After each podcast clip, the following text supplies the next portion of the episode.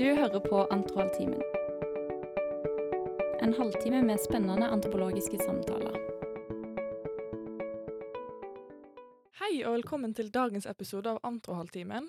I dag er det Tonje og jeg, Maren, som er i studio med dere. I dag har vi gleden av å ha med oss Malin Kleppe i studio. Malin har tatt master i antropologi ved Universitetet i Bergen, og holder for tiden på med doktorgraden sin om migrasjonshelse ved HVL. I dagens episode skal vi snakke litt om Malins arbeid med asylsøkere og flyktninger, og hvordan hennes frivillige engasjement gjennom antropologigraden førte henne til å etablere organisasjonen PROFA, som står for Praktisk og rettslig orientering for flyktninger og asylsøkere. Organisasjonen har bestått av frivillige eh, studenter, og vi håper at dagens episode kan engasjere lytterne til å sette i gang med frivillig arbeid selv. Men først så skal vi få høre fra gangene på instituttet.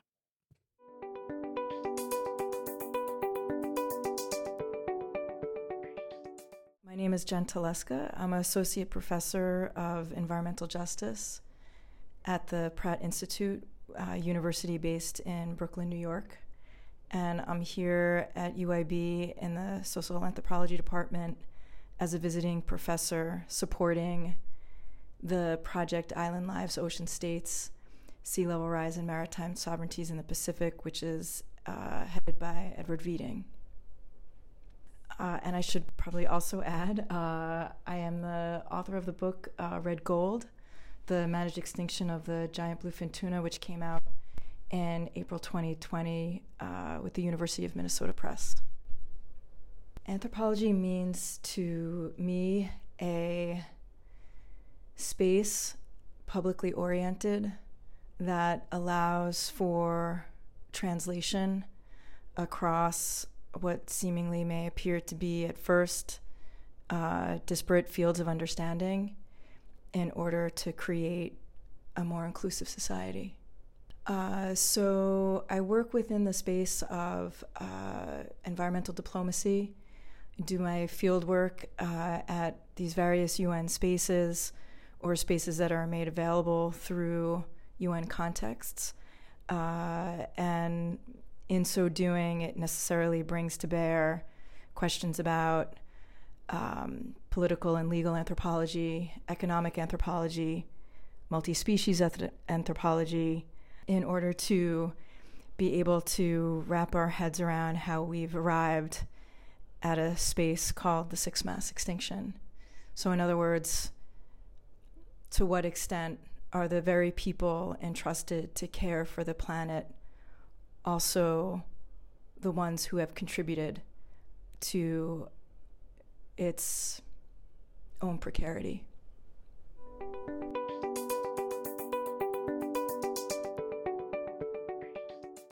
I dag så har vi med oss Malin Kleppe. Velkommen til oss. Tusen takk. Eh, Du har en mastergrad i sosialantropologi fra UiB, og så etter det så har du hatt en ganske spennende karriere. Det skal vi høre litt eh, mer om i dagens episode. Men aller først så har vi lyst til å spørre deg om hva ditt første møte med antropologien var. Ja. Eh, jeg, hvis dere hører en litt sånn uh, babymusikk i bakgrunnen nå, så er det fordi jeg har med datteren min. Uh, men mitt første, mitt første møte med antropologien, det var at jeg etter videregående så reiste jeg en del rundt. Var mye i India. Og uh, tenkte at jeg skulle studere antropologi for å lære mer om ulike kulturer og komme meg tilbake igjen til India, da, som var målet mitt i mange år. Um, og så begynte jeg på Sant 100. Og lærte Skjønte jo egentlig ganske raskt at dette faget ikke var helt det jeg hadde sett for meg. Um, men det som gjorde at jeg ble i antropologien, var at det utfordra måten jeg tenkte på. At jeg følte at det ga meg verktøy til å forstå flere perspektiver i verden. Mm, så um, det er Antropologi har vært et fag som jo har endret hvordan jeg eh, tenker i verden. Så det første møtet og hvordan det ble utover, det, det har vært en reise, da. Mm.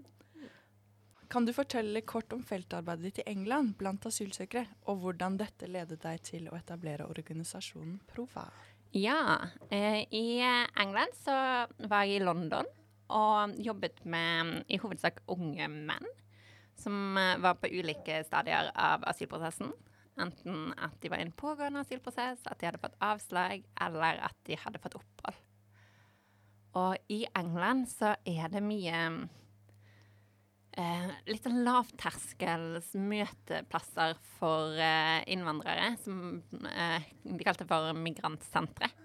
Der man fikk eh, en del sånn råd og tips og kunne spørre egentlig om hva som helst uten å ha en sånn byråkratisk avtale. Eh, og gjerne møtte frivillige medarbeidere som eh, var der på egen tid, da. Og i kraft av å egentlig bare være engasjert. Eh, og jeg tenkte når jeg kom hjem, at en sånn type møte For vi, i Bergen så hadde vi mye språkkafeer, og vi hadde en del sosial frivillighet rettet mot um, asylsøkere og flyktninger. Men jeg syns det mangla litt den der um, uh, mer um, uh, Nesten litt sånn saksbehandler lavterskel-biten, da. Som jeg så hadde funka for mange i England. Så litt det, og litt det at jeg kom i kontakt med advokatfirmaet PwC. Mm. Eh, gjorde at jeg danna en organisasjon som heter PROFA. Praktisk og rettslig orientering for flyktninger og asylsøkere. Og um, samarbeidet med PwC det var en unik mulighet til å um, la asylanter som hadde fått endelig avslag av forvaltningen, UDI og UNE, til å etterprøve det vedtaket i tingretten. For da kunne vi sende slike vedtak til um, advokatfullmaktige i PwC. Og så ville de da prøve å prosedere det i tingretten. Og selv om en tingrett aldri da vil kunne gi en asylant opphold eller ikke, så vil de kunne vurdere om forvaltningen har gjort en vedtaksfeil, om det er manglende informasjon. Så det ble en jo, Selv om vi uh, var åpne for alle slags spørsmål fra asylanter og flyktninger, så ble det veldig mye fokus rundt eh, endelig avslagssaker. Og, og prøve å um, ettergå de avgjørelsene som, eh, som eh, hadde blitt tatt av forvaltningen. Og jeg syns det var veldig interessant relatert til feltarbeidet mitt, for da hadde jeg sett på erfaring og uttrykk. Og hvordan erfaring alltid vil være en redigert utgave av det du faktisk levde igjennom. Um, og at når den kommer til uttrykk, så er det det vi må fortolke for å prøve å forstå hverandre. Uh, og selv om det gjelder for alle mennesker, så er det ekstra prekært. Det settes nesten en ild under for asylanter som har den asylhistorien til en saksbehandler i forvaltningen som uh, da vil uh, gi grunnlag om du får opphold eller beskyttelse eller ikke, da. Mm.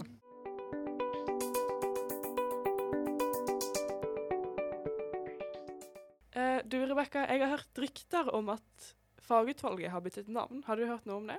Ja, de har bytta navn til Etnografen. Så hvis du skal finne de på Facebook eller Instagram, eller noe sånt, så må du søke opp Etnografen istedenfor. Kult. Men uh, hva gjør egentlig Etnografen? De arrangerer faglige og sosiale arrangementer og fungerer som en bro mellom instituttet og studentene. Mm -hmm. Og Hvis du har lyst til å være med, så kan du kontakte etnografen på sosiale medier.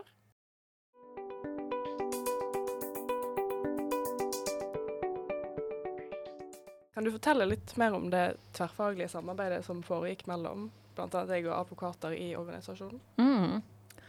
Eh, ja, absolutt.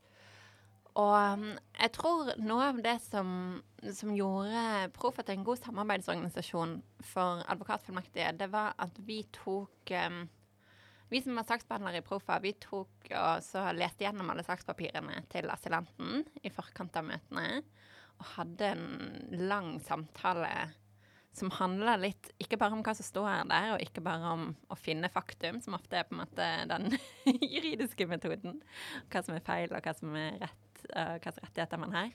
Men òg lete etter det som ikke står der. Da. Hvorfor har man uh, um, Hva er det som ikke er sagt i dette asylintervjuet? Hva er det asylanten føler at har vært i ankepunktene der han eller hun hadde blitt misforstått? Um, hva er tilbakeholdt informasjon?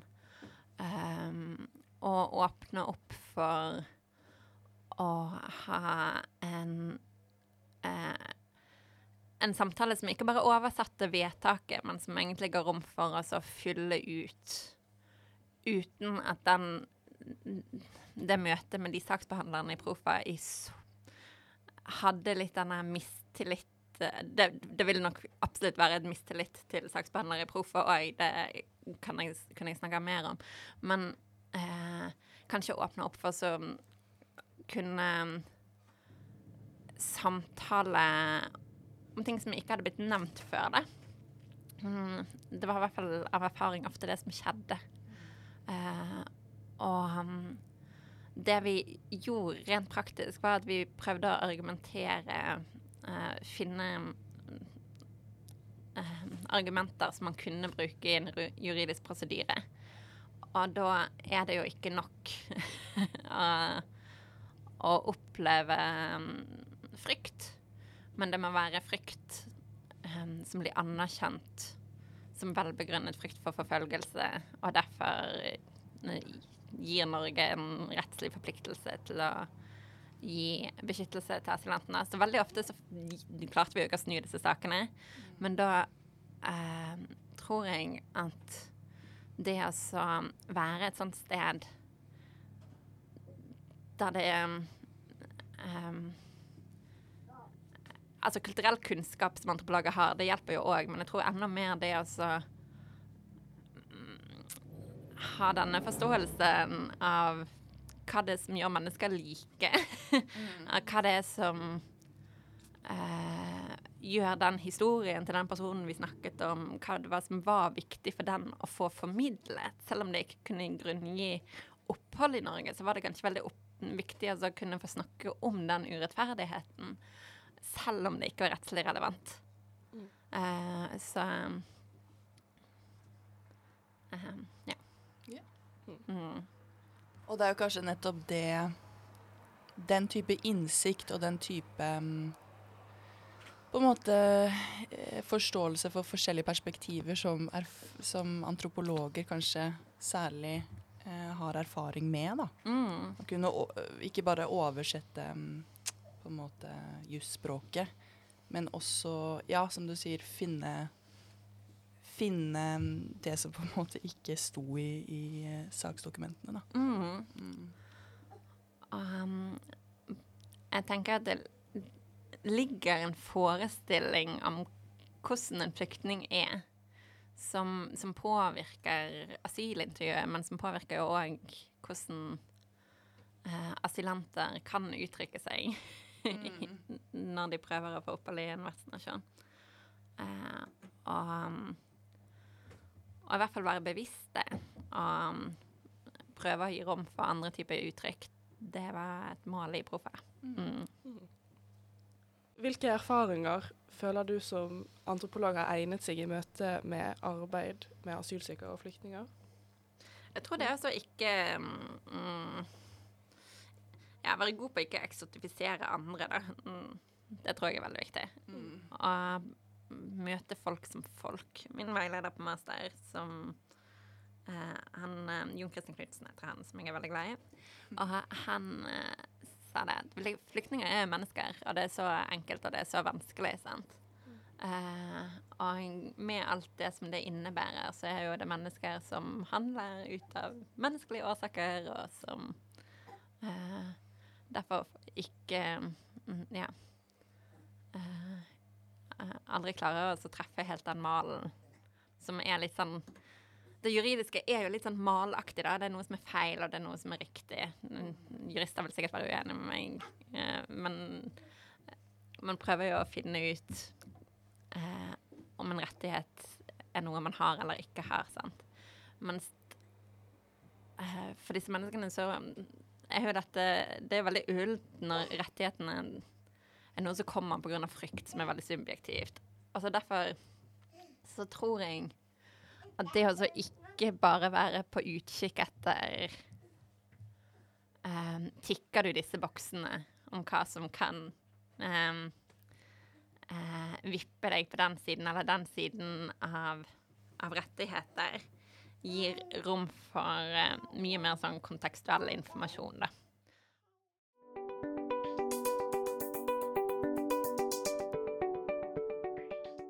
Hvis du har hørt alle episodene våre og fortsatt har lyst på litt eh, antropologi i hverdagen, så kan du sjekke ut Antropodden, som er Norsk antropologisk forening sin podkast, som òg tar opp spennende antropologiske tema.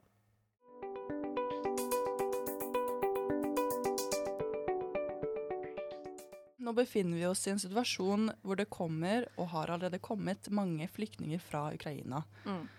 Um, og så lurte jeg på om du kan si noe om hvordan man eventuelt kan engasjere seg. Ja, uh, og det er gjerne. Uh, og det er da jeg tenker at um, Noe av det viktigste man kan gjøre når man møter flyktninger, er altså um, kunne søke å behandle dem som ikke bare flyktninger. Det er en så overskyggende identitet ofte i møte med nordmenn. Eh, men å være interessert i eh, andre deler av dem som personer, da. For denne flyktningheten og det at de måtte flykte fra hjemlandet sitt, det er jo en situasjon de er hendt i. Men det er jo ikke hele identiteten deres. Så eh, derfor tror jeg at frivillighet eh, Nettopp det å ikke være noen som på en måte har en sånn arbeidsomsorg for flyktninger, men som eh, møter flyktninger fordi de ønsker å bli kjent med nye personer, gir en eh, mulighet for å um, skape møteplasser der eh, eh, man kan få utspille andre deler av seg, av seg selv, da, uh, som flyktning. uh, og kanskje mer være menneske. Mm. Mm.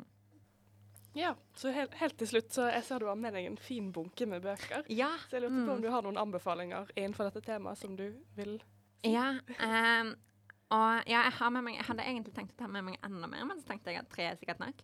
Uh, men jeg har med meg litt sånn um, uh, Dette med erfaringer og uttrykk, som jeg syns er en god linse å uh, tenke ut ifra. Eh, det er skrevet veldig godt om i The Anthropology of Experience av Victor Turner og Edvard M. Bruner. Eh, og så det med flyktninger, tillit og mistillit er skrevet veldig godt om i boken 'Mistrusting Refugees' av Jon Christian Knutsen og eh, eh, Valentine Daniel. Og så tenkte jeg òg litt sånn, som en som har jobba mye frivillig og jobba mye sånn humanitært, eh, så er det viktig å være litt kritisk på hva er det som driver den type um, ønske om å hjelpe andre. Og derfor så satte jeg veldig pris på Lisa Malki sin bok om The Need to Help, som um, ser litt på selvforståelsen av um, de som utøver humanitært arbeid, og hvordan det ikke bare en idé om selve til den som trenger hjelp, men òg bygger opp selve til den som den verdigheten som nesten kan være en slags sånn selvflukt for den som faktisk gir hjelp. Så et kritisk sykelys, eh, nei, søkelys, ikke sykelys, men søkelys på eh, oss som har en hang til å eh, være nyttige for andre. Mm. Mm. Supert. Og en siste, eh, bare sånn hvis man ikke har lyst til å lese en hel bok, eh, så syns jeg òg at Leo Ajkic sin serie 'Uønsket' om Mustafa er skikkelig god. Mm. Setter òg eh, eh, veldig i kontekst litt hvordan forholdet til forvaltning og asylhistorier er i Norge. Og eh, viser jo òg fantastiske advokater. Jeg har jo på en måte snakka litt om hvor bra antropologer er i møte med flyktninger, men det fiser en. Det er mange gode advokater der ute òg. Mm. Herlig. Men da tror jeg vi ikke har noe mer tid igjen. Mm. Em, tusen, tusen takk for at du kom hit til studio for å snakke med oss. Og Du- takk eh, til at Vilde kom også. Du, Og hang litt med oss. Mm. Det var skikkelig kjekt. Jeg tror uh, Syns du det var kjekt, Vilde? Har du lyst til å si noe? Det virker sånn. Ja.